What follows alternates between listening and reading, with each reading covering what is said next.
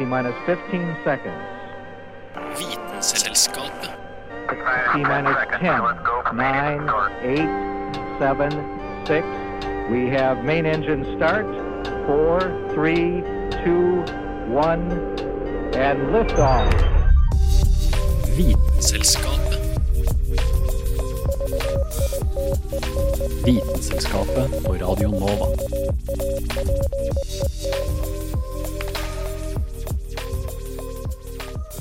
Oss begynte alle som det, og du eter kanskje til frokost hver dag. Egg, som et symbol på liv og fertilitet, hadde veldig lenge vært en del av vårfeiring og påske. Og det fins mye rare egg der ute. Alle har vel sett et bilde av et strutseegg, og sett hvor merkelig stort det er. Eggdonasjon er en heit debatt på Stortinget. Og palmeoljefrie fylte sjokoladeegg fyller butikken nå på våren. Denne uka skal vi fortelle deg om hvordan et egg blir til, og hvordan jobben til dem som legger eggene er.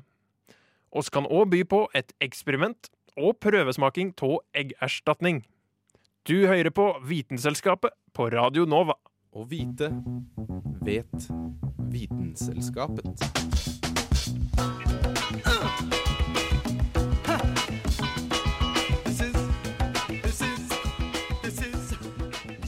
Ei vanlig verpehøne blir ved ett, ett og et halvt årsalderen gassa i hjel og brukt som bindemiddel i betong. Men hva for liv har hun levd før hun møtte gasskammeret?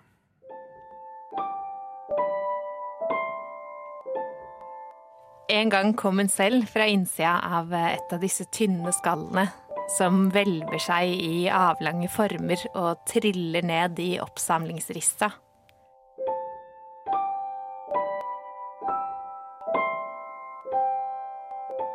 Litt under ett i døgnet fra både henne selv og de seks andre kroppene i buret. Men ingen av eggene hennes inneholder en liten kylling, som det hun selv kom fra. Bare tomme plommer som skal inn i en menneskemunn.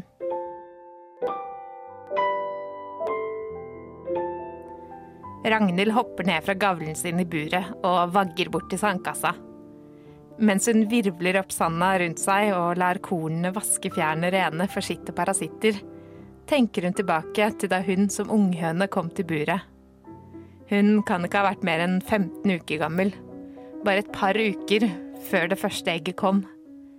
Lyset var så sterkt, lydene så høye. Ragnhild ble sluppet inn i et bur med seks andre unghøner. Da døra lukka seg bak dem, ble de alene i buret. Sammen med vaglepinner, et sandbad og et lite avlukke separert fra resten av buret med en slags blå plastgardin. Hun overhørte noen mennesker si at de var plassert i noe som het miljøbur, som visstnok skulle være luksus sammenligna med burene de hadde brukt noen år tidligere. Men Ragnhild hadde i løpet av livet aldri opplevd noe annet enn innsida av et bur, og visste ikke hva luksus var for noe. Foran buret var det et slags rullebånd med fôr på, som smakte vondere enn hva de hadde fått hos oppaleren. Noen av hønene i naboburet, som hadde vært der en stund, sa at den vonde smaken kom av at fôret inneholdt mer kalsium. Kalsiumen var viktig fordi menneskene nå ville oppmuntre veksten av medulærbein hos Ragnhild. Altså at det la seg et kalsiumrikt beinvev i hulrommet i skjelettet. Nå har Ragnhild vent seg til det nye fôret og tenker ikke lenger på at kalsiumet hun trenger for å legge egg, kommer fra det kalsiumrike lageret i medulærbeinet hennes.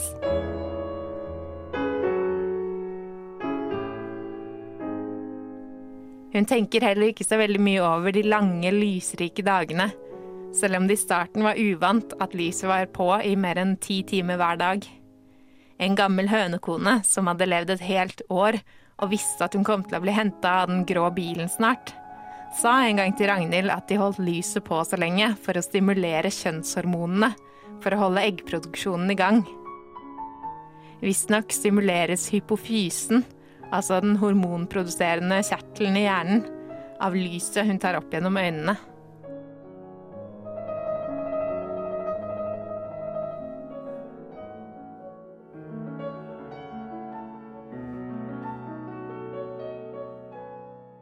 Lengre dager og mer kalsium i fôret satte opp farten på pubertetsprosessene til Ragnhild den gangen hun først kom til buret.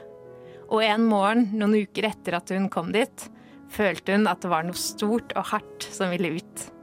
Det var første gang hun la et egg.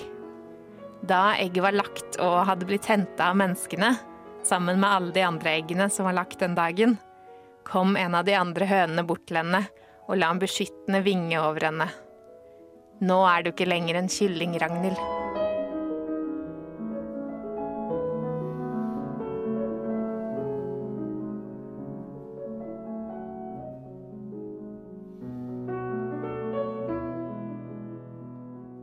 I Norge finnes det til enhver tid rundt fire millioner verpehøner. Rundt 5% av dem bor på gårder med økologisk drift. Resten er enten frittgående eller i miljøinnreda bur, som er der Ragnhild bodde i. Den frittgående høna som logga denne saken, heter Hanne Grydeland. Hæla i taket med Vitenselskapet.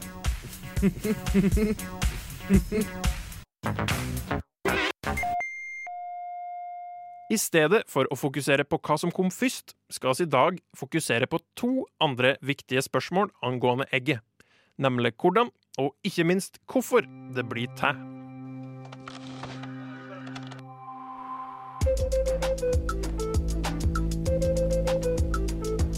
Du hører nå på Eggevitenselskapet, hvor jeg skal fortelle deg om eggets mørkeste hemmeligheter. Nettopp hvordan og hvorfor det blir til. Vi skal for det meste holde oss til hønseegg, og jeg vil derfor anbefale at du ikke søker opp videoer av at høner legger egg. Det ser ikke så pent ut.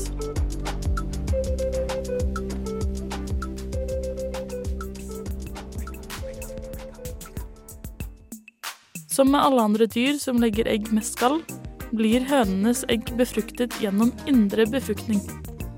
Motsetningen til dette er f.eks. fisk som legger egg utenfor kroppen, som så blir befruktet senere. I dyr som legger egg med skall, må egget befruktes før skallet dannes. Egget starter som en plomme inni høna. Denne plommen er en del av eggestokkene til høna. Plommen kalles her for osyte, og produseres i hønas versjon av eggløsning. I neste del av eggets livssyklus blir det fraktet inn i egglederen, hvor det kan bli innvendig befruktet. Uansett om det blir befruktet eller ikke, fortsetter det videre i den delen av egglederen som kalles magnus, hvor det nå blir dekket av en beskyttende hinne, strukturelle fibre og eggehviten, som her kalles albumin. Videre roterer egget konstant, som gjør at de strukturelle fibrene surres rundt og danner chalase. Denne delen fungerer som et anker for plommen inni eggehviten. Det finnes én på hver side av hviten, som gjør at plommen konstant befinner seg midt inni egget. Helt i slutten av egglederen blir skallet formet. Dette skjer rett før høna legger egget. Skallet formes av kalsitt, et av de vanligste mineralene i jordskorpen, som også forekommer i muslinger og koraller. Hele denne formasjonen av egget tar omtrent én dag. Men kyllingen er ikke klar til å klekkes ut helt ennå. Inne i plommen utvikler kyllingen seg og bruker plommen som sitt hovedmåltid. Utvekslingen av oksygen og karbondioksid skjer gjennom eggeskallet, og er en av grunnene til at gamle egg kan være farlig å spise, siden bakterier også kan slippe inn gjennom skallet. Omtrent tre uker etter at egget blir lagt, klekker kyllingen ut og møter verden for første gang. Men nå som vi vet hvordan egg blir til, kommer vi til et viktigere spørsmål. Hvorfor blir de til i det hele tatt?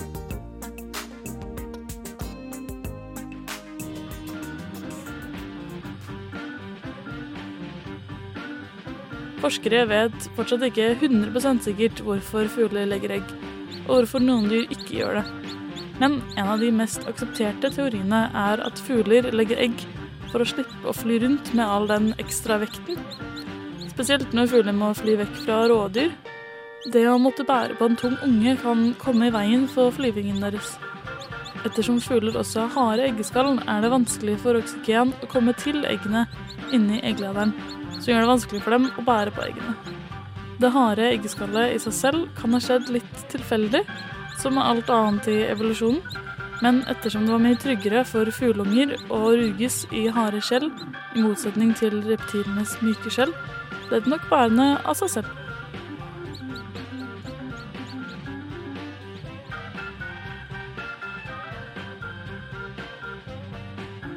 De smarte folkene som forsker på nettopp fugleegg, kalles for oologer.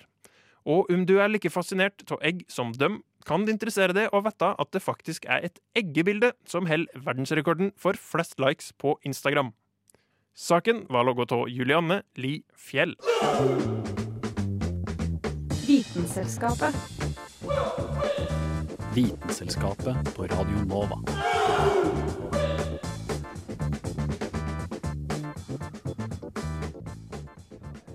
At to eggceller kan bli til ett avkom, høres kanskje for utrolig ut til å være sant. Men vår reporter skal nå gi deg ei oppdatering på ei historisk forskernyhet innen reproduksjon. I tillegg skal vi høre om et sykdomstegn du kanskje bør være obs på i disse påskegule tidene.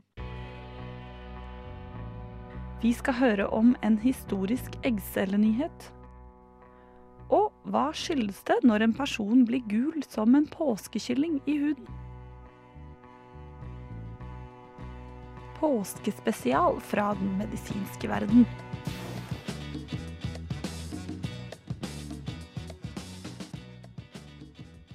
For i oktober 2018 kom nyheten fra et forskerteam i Kina. To hunnmus har fått barn. Hvordan er dette mulig? Forskerne hentet ut et egg fra den ene hunnmusen og en såkalt haploid stamcelle fra den andre hunnmusen. En haploid stamcelle har i likhet med både eggceller og sædceller bare halvparten av antallet kromosomer som en vanlig celle, altså kun 23. Når en eggcelle og en haploid stamcelle smelter sammen, vil kromosomantallet dermed bli 46. De to cellene ble smeltet sammen i laboratoriet, og for å hindre at embryoene døde etter få dager, klippet forskerne ut tre gener ved hjelp av CRISPR-teknologi. Dermed vokste de små embryoene som de skulle, og tre uker etter at de ble implantert i en surrogatmus, kom 29 levedyktige musunger til verden. Hva kan det bety når et menneske blir gulaktig i huden og gul i øynene? Dersom du oppdager at en du kjenner plutselig blir gulfarget i huden i påsken, kan det hende personen har fått gulsott eller ikterus. Gulsott er ikke en sykdom i seg selv, men et symptom på at fargestoffet bilirubin har hopet seg opp i blod eller vev. Bilirubin finnes helt naturlig inni våre røde blodceller og slippes fri når røde blodceller brytes ned og det skilles ut av kroppen som et avfallsstoff gjennom avføring og urin. Visste du at det som gir brunfargen til avføringen din, er nettopp utskillingen av bilirubin i gallen? Fordi bilirubin ikke er vannløselig, må det gjennom en biokjemisk prosess i leveren, slik at det kan skilles ut gjennom galle og urin. Når en person blir gul i huden, kan årsaken derfor ofte skyldes sykdom knyttet til leveren. Vi deler årsakene inn i tre overordnede hovedårsaker. Nummer én. Nedbrytningen av de røde blodcellene i kroppen går altfor raskt, og leveren får problemer med å ta seg av det bilirubinet som føres med blodet. Bilirubin hoper seg opp, og du blir gul i huden. Malariaparasitten kan forårsake nettopp dette. Den andre årsaken kan være hepatitt eller leverbetennelse. Får du en akutt hepatitt, er en av de første symptomene gulsott. Dersom du har skrumplever som et resultat av mye alkohol over lengre tid, kan du også få en gulaktig farge i huden. Tredje årsaken skyldes at galleavløpet fra leveren til tarmen er hemmet, og årsaken er oftest gallestein, betennelse eller svulster. Så blir du eller en du kjenner unormalt påskegul i huden, ikke nøl med å dra til legen. Påskespesial fra den medisinske verden ble presentert av Birgit Ski. There's hydrogen and helium, then lithium, beryllium, boron, carbon everywhere, nitrogen all through the air with oxygen so you can breathe. Du hører på Vitenselskapet på Radio Nova. Magnesium, aluminium, silicon, phosphorus, then sulfur, chlorine, and argon, potassium, and calcium so you'll grow strong. scandium. Titanium, vanadium, and chromium, and manganese. Men da har jeg fått besøk her i studio av det, Kristin. Det stemmer, Karl. Og eh, jeg hører at du har en liten overraskelse til meg. Jeg har en treat til deg, lagd spesielt til deg, for nå har vi jo en sending om egg. Å ja, jeg er så glad i egg. Ja, Så hva passer vel bedre enn å lage noe som eh, inneholder 0 egg? Null prosent egg. Her er det ikke noe egg å snakke om, for jeg har lagd marengs. Marengs, sier du? Da trenger man masse egg. Man trenger jo eggehvite, man trenger sukker. Det er, det er basically det. Ja, det er jo bare egg.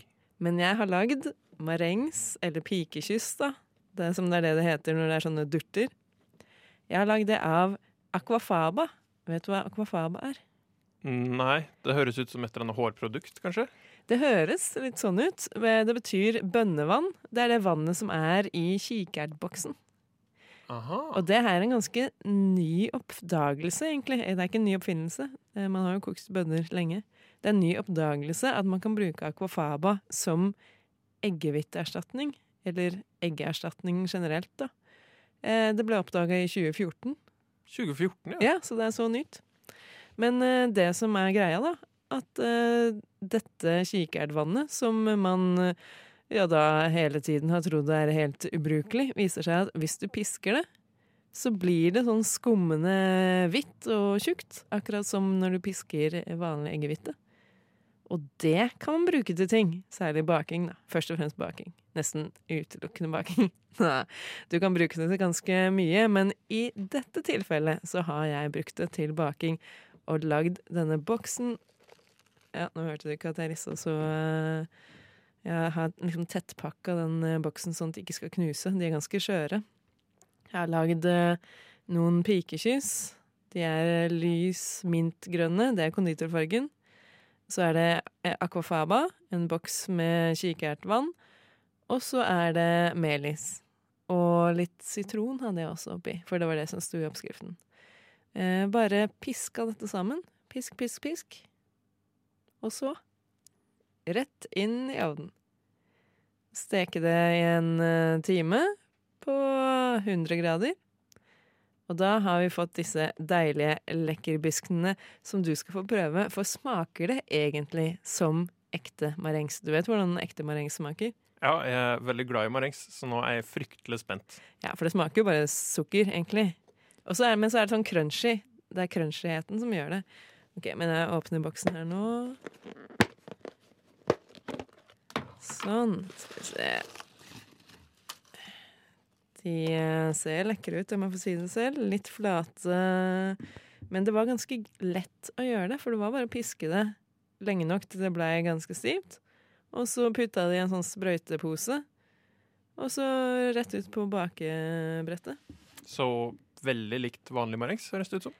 Ja, men faktisk lettere enn vanlig marengs. For vanlig marengs eh, krever litt sånn eh, finesse, men det skal jeg snakke om etterpå. Først skal du få prøve å smake. Jeg rekker den bort til deg. Tusen Sånn. takk. Ja, jeg kan jo begynne med å bare se på den. Det ser helt riktig ut, og den er lett og fin, og smelter nesten i fingrene mine, så det ser veldig ut som en eh, ekte marengs. Ja, nå kan du smake, da. Å, spennende. Du må ta hele munnen. Hele. Kom igjen. Sånn, ja.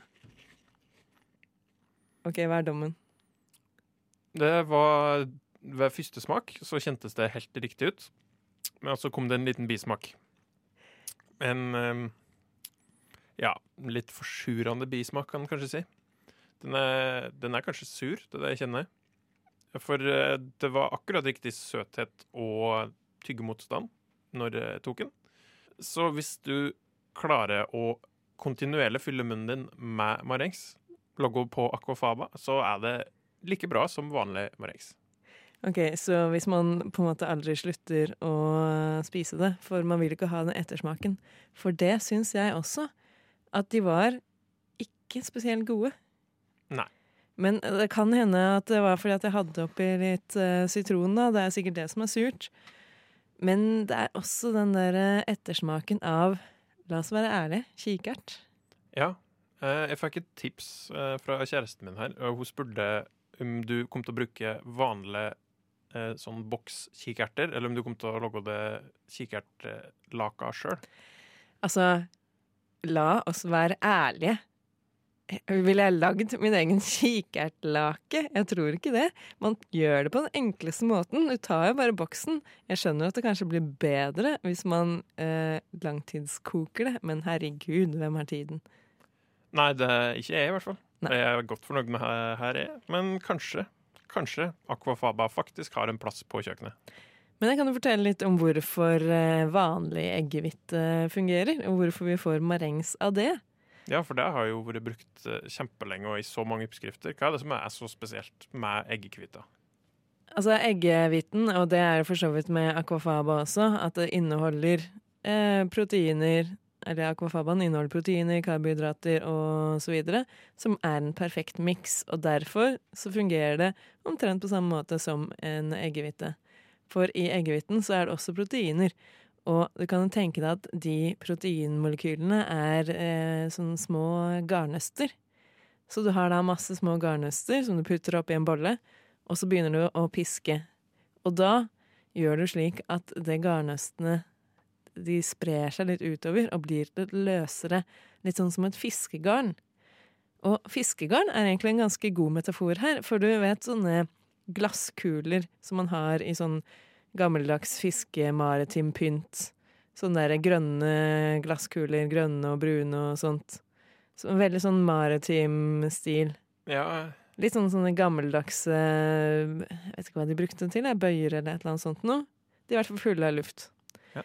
Og så tenk deg at du har et helt vått fiskegarn med sånne glasskuler i. Sånn ser det ut på et mikroskopisk nivå.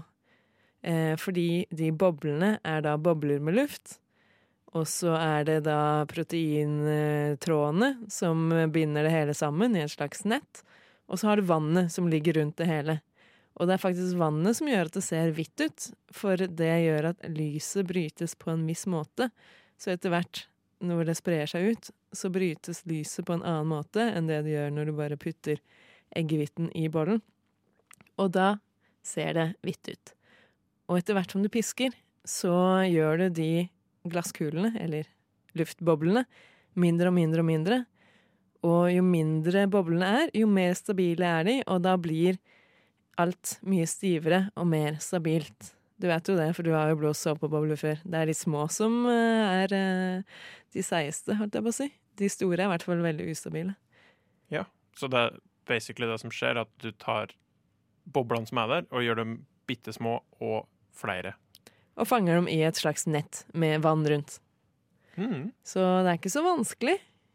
Nei, det er jo ganske logisk når en eh, ser på det. Men det funker ikke hvis du har et hint av fett i bollen. Eh, og akkurat det fant jeg ikke helt ut hvorfor. Men det har noe med at den prosessen ikke fungerer på samme måten. Så hvis du har en dråpe med f.eks. eggeplomme, så funker det ikke. Eller hvis du har litt matfett igjen fra bollen, så funker det ikke. Det må være helt, helt rein.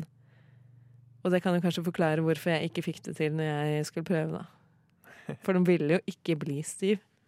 Nei. Men aquafaba funka mye bedre enn egg. Så hvis man ser bort fra smaken, så er det enda bedre enn egg. Ja, og hvis Eh. du kjøper Eller hvis du går for en grunnoppskrift i stedet for en litt lettvint løsning, kanskje det faktisk blir godt. Vel, det var oppskriften jeg fant på internett, og jeg stoler alltid på de oppskriftene jeg finner på internett, så øh, jeg vet ikke helt hva det er du prøver å si her. Nei. Men det er veldig spennende at eh, den ene spesifikke greia som egg gjør, den finner vi igjen i kikertlake. Oslo 2 igjen, Oslo 2. Dette er Vitenselskapet. Radio November, Oskar, Viktor, Alfa. Hva annet artig kan en finne på med egg, nå som oss ikke nødvendigvis trenger å ete dem lenger? Jo, en kan utføre eksperimenter med dem.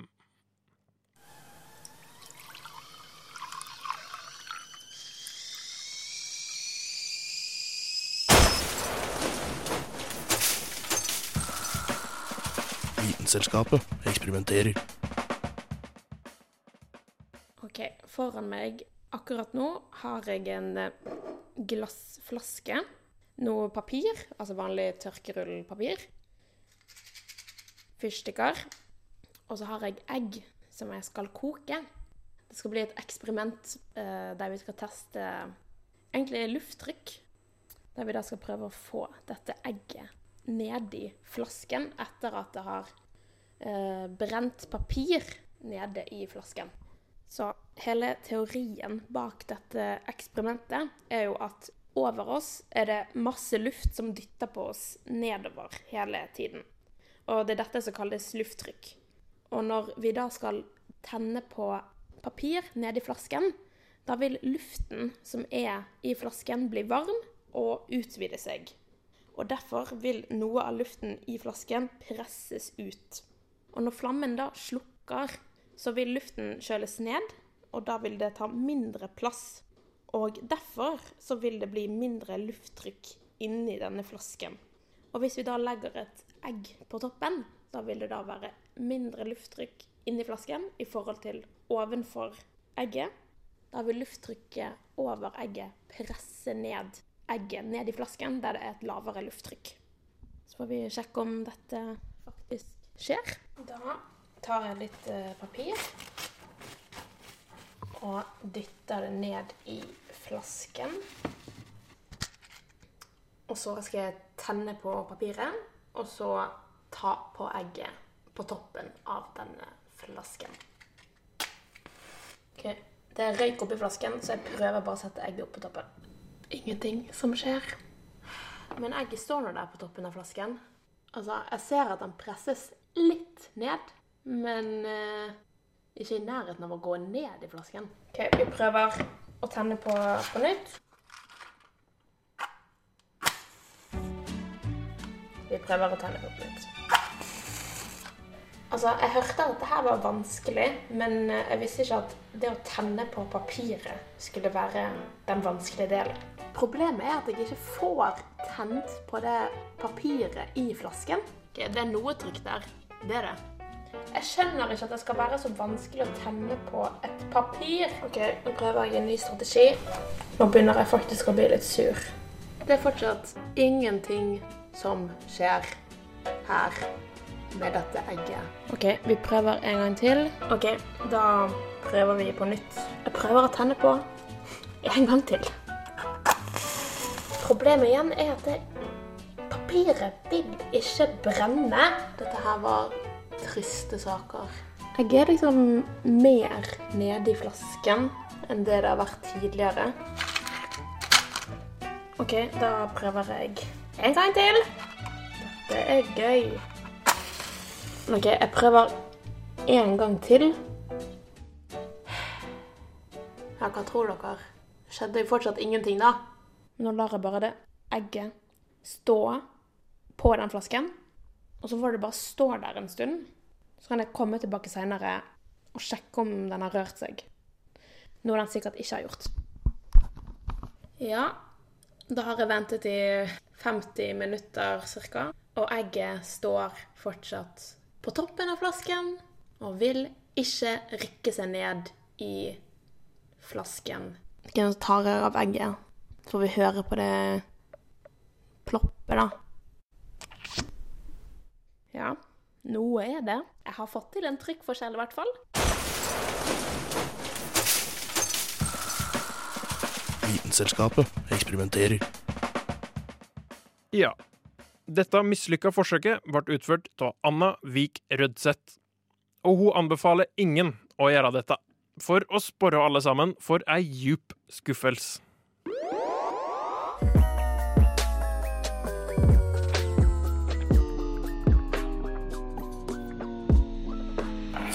Vitenselskapet. Det var alt oss rakk denne uka. Tusen takk til deg som hørte på. Denne sendinga hørte du Hanne Grydland, Anna Vik Rødseth, Julianne Lifjell, Birgit Skie, Kristin Grydland og meg, Carl Adams Kvam. Hvis du savner oss før neste tirsdag, finner du oss på Soundcloud, Spotify eller som podkast. Oss høyras!